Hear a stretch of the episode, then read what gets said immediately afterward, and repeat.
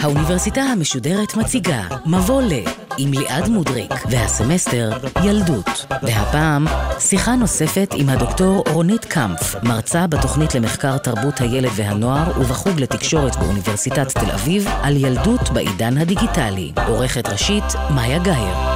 ערב טוב ותודה שהצטרפתם אלינו לאוניברסיטה המשודרת מבוא לילדות. אנחנו ממשיכים לעסוק בילדות בעידן הדיגיטלי יחד עם דוקטור רונית קמפף מהחוג לתקשורת ומהתוכנית למחקר תרבות הילד והנוער באוניברסיטת תל אביב. שלום לך. שלום. ובתוכנית הקודמת הגדרנו מהי ילדות בעידן הדיגיטלי וניסינו להבין יחד את היחסים הדואליים האלה בין ילדים לבין טכנולוגיה, כשהילדים גם צורכים את המדיה הדיגיטלית וגם מעצבים אותה, והיום נתמקד ביחסים החברתיים של ילדים. בעידן הזה. נושא חם מאוד שמעסיק רבים מאיתנו, אולי אפילו נפתח בטעימה מהחששות הגדולים בהקשר הזה. החיים ברשתות החברתיות יצרו רעידה של ממש ביחסים הבין-אישיים. בני הנוער מרגישים נוח יותר בחדר שלהם מאשר בכיתה או בחוג. מספר בני הנוער שנפגשים עם חברים ירד ביותר מ-40% בין השנים 2000 ל-2015. את רואה ילד שכל הזמן בשיחה איתך הוא בורח לתוך הסמארטפון. ילדים שלא יודעים להסתכל בעיניים, ילדים שהאינטראקציה החברתית שלהם היא, היא בעייתית. כשאני שואל אותם כמה חברים יש להם בקטע חברתי, אז הם סופרים את החברים בתוך ה... בפייסבוק. בקטע החברתי אנחנו מאבדים את הטאץ' בין האנשים בגלל הסמארטפון. אין טאץ' בין האנשים. התקשורת בין הורים לילדים הולכת ומתמעטת. מה עושים? אז מה עושים באמת? זה נשמע כאילו הילדים שלנו אולי מאוד טובים בייצור חומרים דיגיטליים ובמציאת דרכם ברשת, אבל כשהם צריכים להתמודד עם בני אדם אחרים, שלא בדרך המחשב, הם בבעיה. אז uh, אני יכולה להביא דוגמה. ישנו מחקר מאוד מאוד מעניין שהתבצע לפני כמה שנים על ידי קבוצה של חוקרים בראשות סוזן גרינפילד. הם לקחו ילדים בכיתה ו' למחנה קיץ בקליפורניה, בלי אף מסך לשבוע ימים. והראו איך הם שיפרו את הכישורים החברתיים ואת הכישורים הלא מילוליים, הכל היה נפלא. ואז, ואז הם חזרו בחזרה הביתה למסכים ולהכל, וכל מה שהם יצרו... התפוגג. התפוגג והלך בחזרה. אז אני חושבת שכדאי לשמור על איזון. וכדאי לתת דוגמה, וכדאי לקבוע כללים, ולא יכול להיות שלחבר יהיה 300 uh, אה, חברים uh, בפייסבוק, ואף חבר בעולם האמיתי. פשוט מאוד צריך לקחת ולקבוע איזושהי מסגרת של כללים. מי שרוצה, בספר של אה, לין שופל קלארק, The Parent App, Understanding Families in the Digital Age, יש בסוף חוזה שהיא חתמה עם הילדים שלה. חוזה שמנוסח על דרך החיוב, חוזה שמדבר על איזון, וחוזה שהצליח בקונטקסטים כאלה ואחרים, אפשר לקחת ולהסתכל בסוף הספר.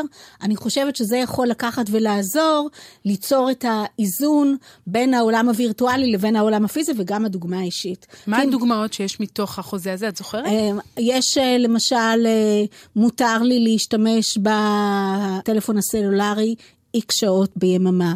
כשיוצאים לאירועים חברתיים, הטלפון הסלולרי נשאר בתוך התיק שלי כבוי.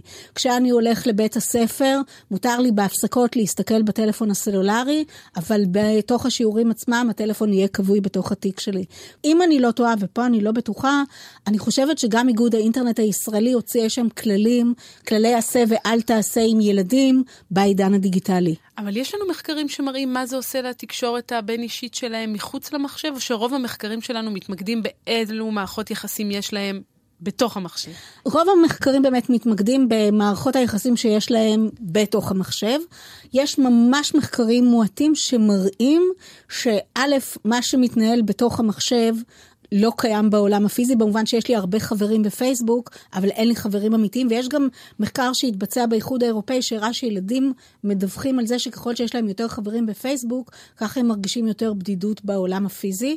עוד דבר זה שהקושי של ילדים שיש להם הרבה חברים בפייסבוק, ליזום קשרים עם אנשים אחרים בעולם הפיזי. אבל עדיין אני חושבת שאם אפשר יהיה ליצור איזשהו איזון, כן. אפשר יהיה לעזור אה, לילדים במובן הזה. אבל איך ניתן לאפיין את מערכות היחסים הדיגיטליות של הילדים? יש לנו נתונים על זה? אה, יש לנו נתונים שזה, יש לילדים חברים אמיתיים בעולם הדיגיטלי, במובן של אה, כיף הקשרים איתם, שזה קשרים שנמשכים לאורך אה, כמה שעות טובות במשך היממה. אלה קשרים ארוכים, אלה קשרים יותר עם אנשים מהסביבה הדומה. פחות קשרים מאשר הסביבה הלא דומה. יש פרויקט בפייסבוק שבודק אה, קשרים בין ילדים באזורי סכסוך שונים בעולם, באיזה מידה הם מקיימים ביניהם קשרים. אז יש, אבל זה לא באותה עוצמה ולא באותו היקף ולא באותה איכות, כמו הקשרים עם האנשים מהסביבה המיידית. זה יותר קשרים עם אנשים באמת בסביבה המיידית, פחות בסביבה היותר אה, רחוקה. וגם עוד דבר, שיש את העניין של הקשרים החלשים. של הקשרים החלשים, שאולי אני לא מקיים איתם בסיס קבוע, אבל uh, אני רוצה להתייעץ עם אנשים, או רוצה לשאול שאלות, אז יש לי את הקשרים החלשים האלה. מה זה עושה להתפתחות הרגשית שלהם? אפשר לדבר על מאפיינים רגשיים של אה, ילדים בתקופה הזו? במובן הרגשי אפשר לבוא ולהגיד שיכול להיות שהם פחות מפתחים את הכישורים הרגשיים שלהם, פשוט מאוד בגלל שהמדיה הדיגיטליים הם מדיה שבהם הרבה יותר קשה לקרוא הבעות פנים, הם מדיה שהרבה יותר קשה להבין בהם רגשות. גם אה, דרך אגב, יש אה, בפייסבוק עכשיו פרויקט לעזור לילדים להביע רגשות, אז עושים את זה דרך אימוג'י. כלומר, עושים את זה דרך כל מיני... מיני דימויים אה, חזותיים קטנים, שדרכם הם מצליחים להעביר את הרגשות שלהם, דבר שיותר קשה להם לעשות את זה בדרכים אחרות. אין ספק שבמובן הזה, זה הכשל של המדיה הדיגיטליים, כי הם לא מאפשרים לנו לקרוא הבעות פנים וטון דיבור וכל מיני דברים משמעותיים, ודרך אגב, רק בשביל להגיד ולסבר את האוזן למה יהיה כשהילדים האלה יהיו יותר גדולים, יש היום מחקרים בארצות הברית שמראים שבני דור ה-Y, להזכיר, אלה שנולדו בין 1980 ל-1995, פחות מצליחים ברעיונות עבודה. ואחת הסיבות שהם פחות מצליחים ברעיונות עבודה, זה שהם פחות קוראים טוב אה, כישורים אה, רגשיים ולא מילוליים, mm-hmm. והבעות פנים וטון דיבור וכל מיני דברים כאלה. זה אחד הדברים שמנסים היום לחשוב, איך אפשר להשתמש בכלים הדיגיטליים כדי לסייע לצעירים האלה להתגבר על הבעיות האלה. אני מנסה לחשוב על מאפיינים ייחודיים לתקשורת דיגיטלית שיכולים אולי להשפיע על הדרך שבה ילדים מתפתחים. למשל, תקשורת דיגיטלית יכולה להיות אנונימית. אני יכולה להתכסות מאחורי זהות בדויה, כפי שדיברנו בשבוע שעבר, או שם אחר, או... מצד שני, אני יכולה להתכסות מסביב לזהות בנויה, להיות אנונימית, ואז זה מחריף את האינטראקציה. כלומר? מצד, זה מחריף את האינטראקציה במובן שהאינטראקציה... אני מרשה לעצמי פתאום להגיד דברים. להגיד כל מיני דברים שלא הייתי אומרת, אם זה כן היה הדמות האמיתית שלי. מצד שני, יש הרבה מחקרים לגבי נוער להט"בי, שמראים שדווקא האנונימיות הזאת mm. מאפשרת להם יותר להיחשף וליצור לעצמם אה, זהות יותר מוצקה ויותר בטוחה כלפי חוץ. כמו תמיד, יש פנים לפה ויש פנים לפה. אבל האנונימיות בצד השלילי שלה, זה נגיד הבסיס לשיימינג? זאת אומרת, מותר לי עכשיו להעליב ילדים כי אני עושה את זה בלי שידעו מי שידע, אני? בלי שידעו מי אני, בלי שיש השלכות מיידיות. אני מצליחה להסתתר מאחורי מסך המחשב, וזה נותן לי את הדרור לקחת ולהגיד את כל מה שאני רוצה, בלי לעשות איזה מסננים כאלה ואחרים. מאפיין אחר של התרבות הדיגיטלית, זה שאני כל הזמן מדברת על עצמי. זה לא מגדל לנו שכבה של ילדים נרקיסיסטים שמעלים תמונות של עצמם ומחפשים לייקים ומחכים רק שייתנו להם עוד ועוד ועוד חיזוקים? יש בזה משהו, אי אפשר להכחיש שזה קיים. זה נכון, כל הנושא של תרבות הסלפי שנוצרה, אז מצד אחד אפשר לקחת ולהגיד שיש בזה דבר אה, באמת אה, נרקסיסטי, שאני חושף את עצמי והכל, אבל יש בזה עוד דבר שאפשר לחשוב על זה בזווית קצת אחרת. תחשבו לעצמכם שבעידן הדיגיטלי, בעצם הפנים שלנו, זה הדבר הפרטי האחרון שנותר לנו, ולכן ילדים כל כך uh, מצלמים את עצמם, כי זה הדרך שלהם לקחת ולהעביר את הפרטיות ואת הפרטי שלהם, בניגוד לשאר הדברים שהם הרבה יותר ממוסחרים וגלובליים ומכורים. אז גם על זה אפשר להסתכל כך. אבל יש מחקרים שבדקו אם הם יותר נרקיסיסטים הילדים שלנו, או שעדיין אנחנו לא שם? לא רק זה שאנחנו לא שם, אלא אין גם הרבה מחקרי אורך. אחד הדברים שאנחנו יודעים זה שכדי לקחת ולבסס דברים, לקחת ולעשות מחקרי אורך, שיראו בצורה יותר טובה את השפעת המדיום הדיגיטלי, יכול להיות בגלל שזה עדיין עידן צעיר מדי. אני יודעת שהיום נכנסים ברחבי העולם לכמה מחקרי אורך, אבל נצטרך להמתין קצת עד שאפשר יהיה לראות את התוצאות. אבל הזירה הדיגיטלית הזאת בעצם מחליפה את המשחקים הקלאסיים? זאת אומרת, המחשב מחליף את מגרש המשחקים, והבלוג או הסלפי מחליפים את היומן שאולי פעם היו כאלה שכותבים, או אלה שתי אה, ספרות, שני יקומים שמתנהלים במקביל, והאחד לא פוגע בשני. אני חושבת שהמדיה הדיגיטליים מחליפים את הדברים שאנחנו מכירים מהילדות שלנו, ולא רק זה שהם מחליפים, אלא כשאני כתבתי אה, יומן אישי, כשהייתי בת אה, עשרה, הוא היה חבוי לו בתוך המגירה ומוגן במפתח. כן. היום אפילו בלוג, שהוא אולי היומן האישי של פעם, כותבים אותו ברשת, הוא חשוף לעיני כל, מעלים כל מיני תמונות, כלומר, הפרטיות הפכה להיות הרבה יותר ציבורית. כן, שזה מאוד מעניין, ולא דיברנו עד עכשיו על התא המשפחתי. איך העידן הדיגיטלי משפיע עליו? קצת הזכרנו את זה בתוכנית הקודמת. העידן הדיגיטלי מציב בפני ההורים דילמות לא פשוטות. מתי לתת טלפון סלולרי? מתי לפתוח עמוד של פייסבוק? האם להיות חבר של הילדים בפייסבוק? האם להציץ האם להם להציץ בוואטסאפ? להם בוואטסאפ? גם אה, קשה יותר לפקח על המדיה האלה, כי הם נמצאים בכל מקום.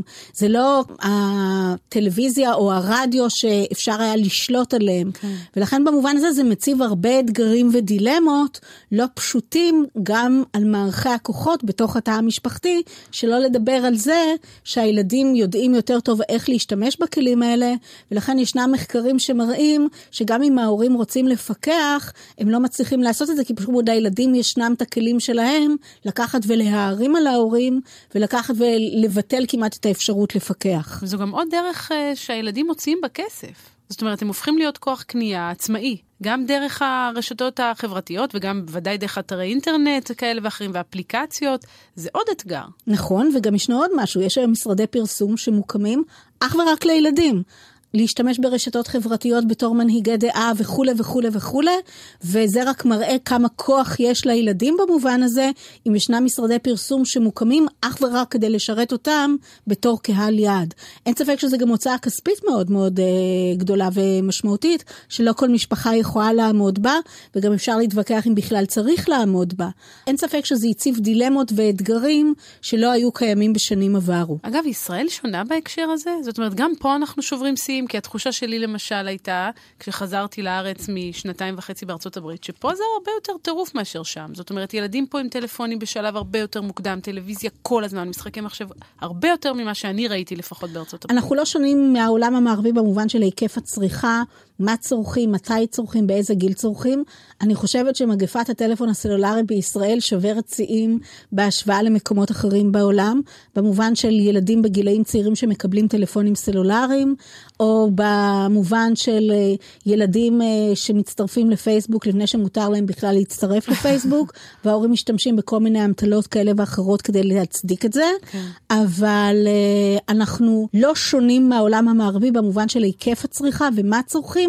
כן יש הבדלים אולי במובן של הגילאים, כן. שאצלנו זה מתבצע בגילאים צעירים יותר, אבל אני חייבת גם להגיד עוד משהו. אחד הדברים שאנחנו יודעים מהורים פה בארץ, שהם נותנים לילדים טלפונים סלולריים בגיל צעיר גם מסיבה ביטחונית. כן. שככה או אפשר... ככה לפחות הם אומרים אה, לעצמם. זה- לפחות מה- שהם אומרים. כן. זה שפשוט אה, זה נותן להם תחושה יותר בטוחה שאפשר לנהל קשר מתמיד עם הילד. מה כל זה עושה לסמכות ההורית? מעמיד אותה בסימן שאלה מאוד מאוד גדול. כי פשוט אה, ההורה צריך לקחת ולעמוד מול ילד שיודע יותר ממנו, יודע לנצל את יתרונות המדיום, יודע לעמוד על שלו, ושלא לדבר על זה שישנו גם הסביבה שבתוכה הוא נמצא, חברים בכיתה כבר קיבלו וכל מיני דברים כאלה, שזה מעמיד את הסמכות ההורית בפני סימני שאלה מאוד לא פשוטים. גם שלא לדבר על זה שכל הדילמות שהורים צריכים להת... להתמודד איתם היום, זה לא דילמות שהיו שכיחות אה, אז אנחנו כהורים לא יכולים לייבא את המשפטים שההורים שלנו אמרו לנו, שזה מה שאנחנו עושים באופן טבעי במצבים אחרים, כי ההורים שלנו לא היו במצב הזה. במצב הזה. נכון, כמו שאמרתי, הדילמה של להצטרף לפייסבוק, או טלפון סלולרי, זה לא היה בעבר. כן. כלומר, אולי היו מדיה אחרים שעוררו שאלות אחרות, אבל לא את השאלות האלה. וזה כמובן מוביל אותנו לפער הדורות, ודיברנו בשבוע שעבר על הילידים הדיגיטליים לעומת המהגרים, ההורים שלהם, שאינם דוברים את השפה הדיגיטלית. זו חתיכת פער שנכנס לתוך הבית עכשיו. פער הדורות הוא פער מאוד מאוד משמעותי, לא רק במובן של השליטה בשפה הדיגיטלית, אלא גם במובן של השימוש בשפה הדיגיטלית, במובן של התפיסה של השפה הדיגיטלית. ילדים והורים מסתכלים במובן מושגי שונה לחלוטין על מדיה דיגיטליים, וזה פער שלא פשוט לסגור אותו, שלא לדבר על זה שיש היום חוקרים שמראים שזה כבר לא רק פער דורי, אלא גם פער מוחי.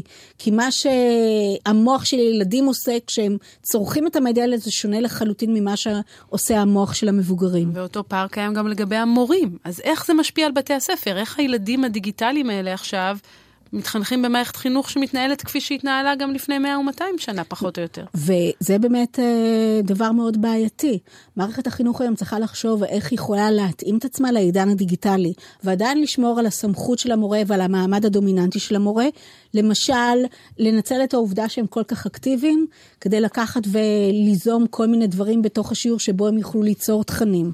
או לקחת וללמוד באמצעות ביצוע של פרויקטים יחד עם הילדים. או יש טלפונים סלולריים, אז בואו ננצל את הטלפונים הסלולריים לעשות חידונים כיתתיים, או לעשות uh, הפעלות כיתתיות. כלומר, לקחת ולהשתמש בדבר הזה, שהוא הרבה פעמים דווקא לצד השלילה, לרתום אותו לצד החיוב. אולי גם ברעיון הזה של טקסטים דיגיטליים, כי הילדים בעצם גם מייצרים טקסטים דיגיטליים, נכון? נכון? מה זה בעצם? הילדים מייצרים תכנים דיגיטליים כמו למשל סרטונים, תמונות, מצגות, נובלות, ממש דברים שהם אה, יוצרים באמצעות הרשת, טקסטים במולטימדיה, טקסטים אה, חזותיים, הממד החזותי הוא מאוד מאוד אה, דומיננטי בהם. ולכן במובן הזה אפשר לרתום את האפשרות שלהם ליצור את התכנים האלה, כדי להכניס את זה למסגרת הכיתתית וליצור תכנים שיתאימו למסגרת הלימודית. כי פשוט מאוד, אם לא נתאים את עצמנו לעידן הזה, אנחנו נאבד את הילדים. ואני יכולה להביא דוגמה, אני עושה סדנאות למורים. ברחבי הארץ על שימוש בכלים דיגיטליים במסגרת אה, בית ספרית. ואחד הדברים אחר כך שהמורים אומרים לי, אנחנו השתמשנו במשחקים, ואיך הילדים כל כך נהנו מהלמידה ולא רק הפיקו ממנה את הידע. אבל לא כל הילדים אה, זהים בהקשר הזה. זאת אומרת, יש כאלה שיהיו יותר אקטיביים וייצרו טקסטים ממש, יש כאלה שאולי רק ישתפו טקסטים שאחרים אה, כתבו, נכון? לא כל הילדים יוצרים תכנים. או נגיד את זה ככה, 60% מהילדים יוצרים תכנים, אבל לא כולם יוצרים תכנים באותה איכות, באותו היקף. אבל עדיין הם כן אקטיביים כלפי התכנים שהם צורכים.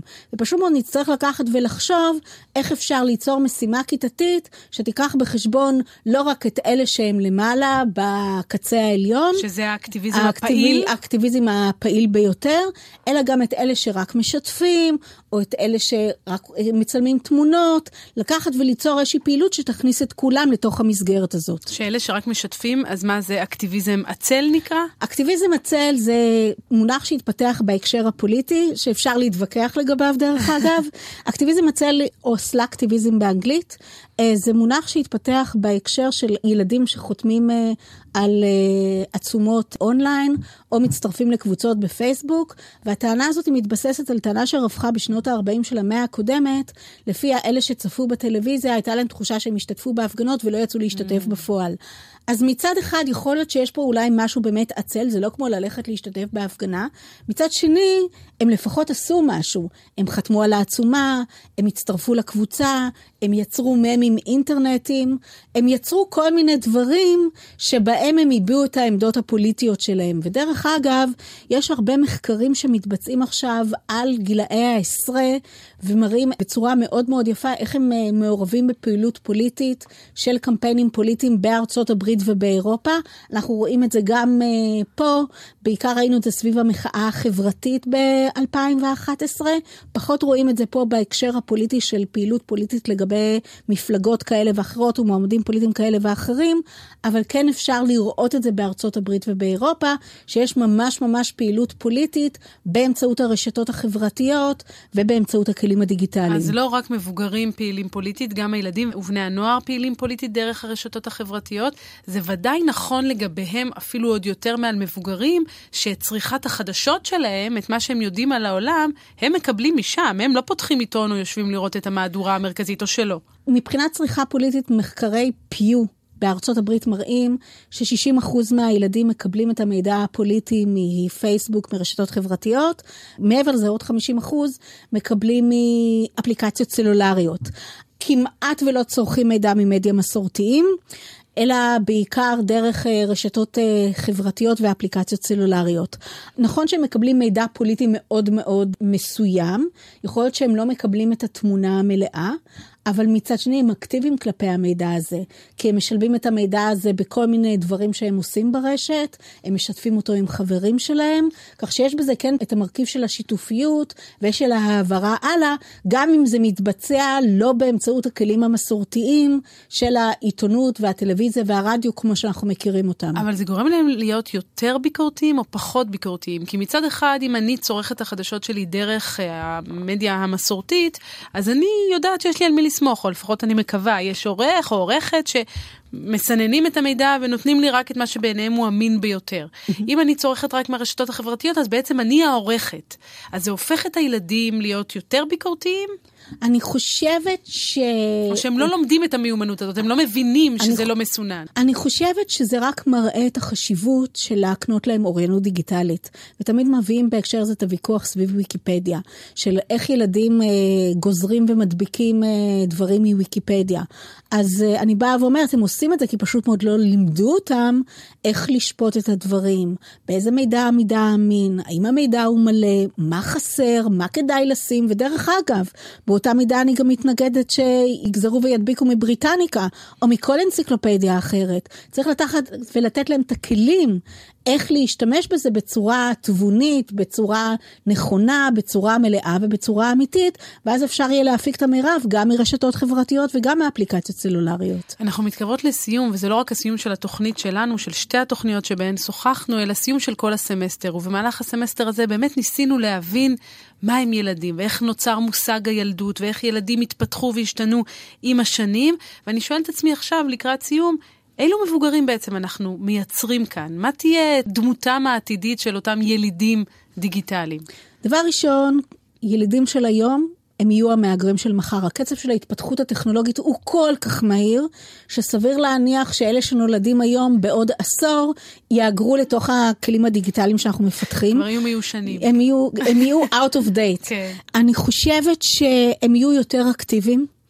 אה, ויהיה מאוד מעניין לראות את זה במובן האזרחי, החברתי והפוליטי. יותר אקטיביים. אה, יותר אקטיביים. דווקא בגלל שהם כל כך אקטיביים כלפי התכנים שהם צורכים, זה יגרום להם גם להיות יותר אקטיביים בתחומים אה, נוספים.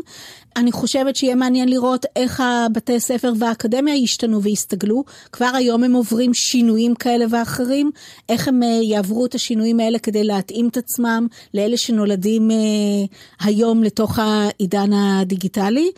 ומעל הכל אני מאוד מאוד מקווה שיהיו מחקרי אורך. שיהיו מחקרי אורך שיעקבו אחרי אלה שנולדים וגדלים ומתבגרים, מתוך מטרה לקחת ולהראות בצורה נכונה את ההשפעה של מדיה דיגיטליים עליהם. כי אחד הדברים שאנחנו יודעים היום זה שיש הרבה דברים שליליים, כמו גם דברים חיוביים, אבל אין לנו, חסרים לנו מחקרים שיראו את זה הלכה למעשה. ויגידו, המדיה הדיגיטליים הם א', ב', ג', ד'. אולי בגלל שהתחום הזה עדיין צעיר, אולי בגלל שקשה יותר לעשות מחקרי אורך, אני חושבת שצריך את המחקרי אורך שיראו איך הילדים של היום יהפכו להיות המהגרים של מחר. והצרכנים של היום ומחר. ומחר. זו כבר תעשייה שלמה, נכון? כן, זו ממש ממש ממש תעשייה אה, שלמה, מאוד אה, אה, גלובלית.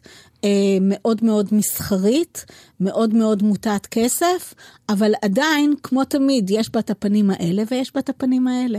תני לנו אבל דוגמה, מה המספרים שמדברים בהם? כמה כסף יש שם? רק בשביל להראות את זה מכיוון אחר, קרן מקארתור הוציאה עכשיו 100 מיליון דולר כדי לקחת ולחקור למידה של ילדים דיגיטליים, מתוך מטרה לקחת ולתת לבתי ספר ואוניברסיטאות בארצות הברית כל מיני כלים לחקור וללמד באמצעותם את הילדים הדיגיטליים. אז 100 מיליון דולר לפרויקט מחקרי של חמש שנים, זה רק מראה כמה כסף יש בתוך המקום הזה, כי די ברור שמתוך ה-100 מיליון דולר האלה, כל הכלים שיביאו ויוציאו, ייקחו ויכניסו עוד כסף. אז בואי נרחיב אפילו עוד את ההסתכלות. איך משתנים המושגים של הילדות והנערות בעידן הדיגיטלי? הילדות של היום זה לא הילדות של פעם, והנערות של היום זה לא הנערות של פעם. גם במובן של ההיקף של הצריכה של אה, מדיה דיגיטליים, גם במובן להשלכות של מדיה דיגיטליים על היבטים שונים של ילדות ונערות, כמו זהות ופרטיות ופיראטיות ולמידה וכולי, וגם uh, במובן שאם פעם הילדים היו יוצאים לשחק בגינה ולשחק תופסת ולטפס על עצים, היום המשחקים שלהם הם מאוד מאוד אחרים, והם מסתמכים על דמיונות של אנשים אחרים, שאותם הם חיים באמצעות זה.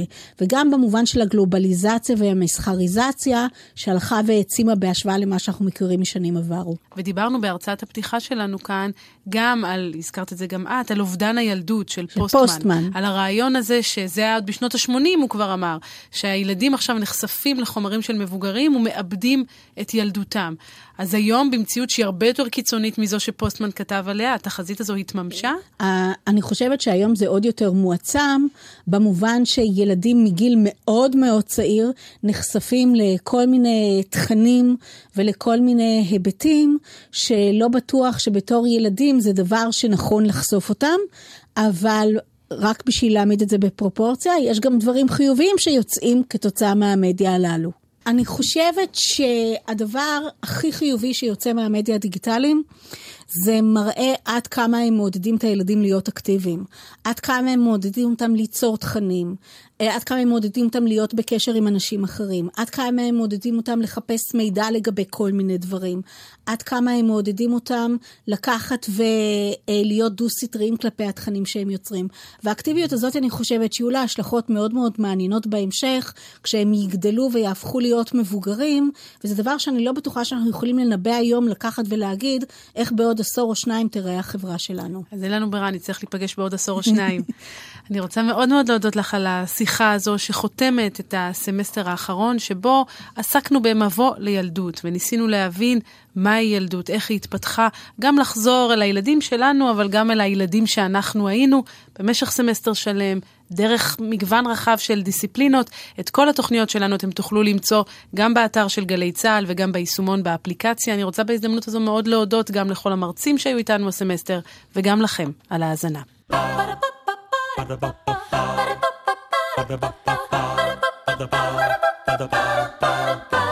האוניברסיטה המשודרת, מבוא ל. ליעד מודריק שוחחה עם הדוקטור רונית קמפף, מרצה בתוכנית למחקר תרבות הילד והנוער ובחוג לתקשורת באוניברסיטת תל אביב על ילדות בעידן הדיגיטלי. עורכת ראשית, מאיה גאייר. עורכות ומפיקות, יובל שילר ונועם גולדברג. עורכת הדיגיטל, נועה שינדלר. האוניברסיטה המשודרת, בכל זמן שתרצו, באתר וביישומון גלי צה"ל ובדף הפייסבוק של האוניברסיטה המשודרת.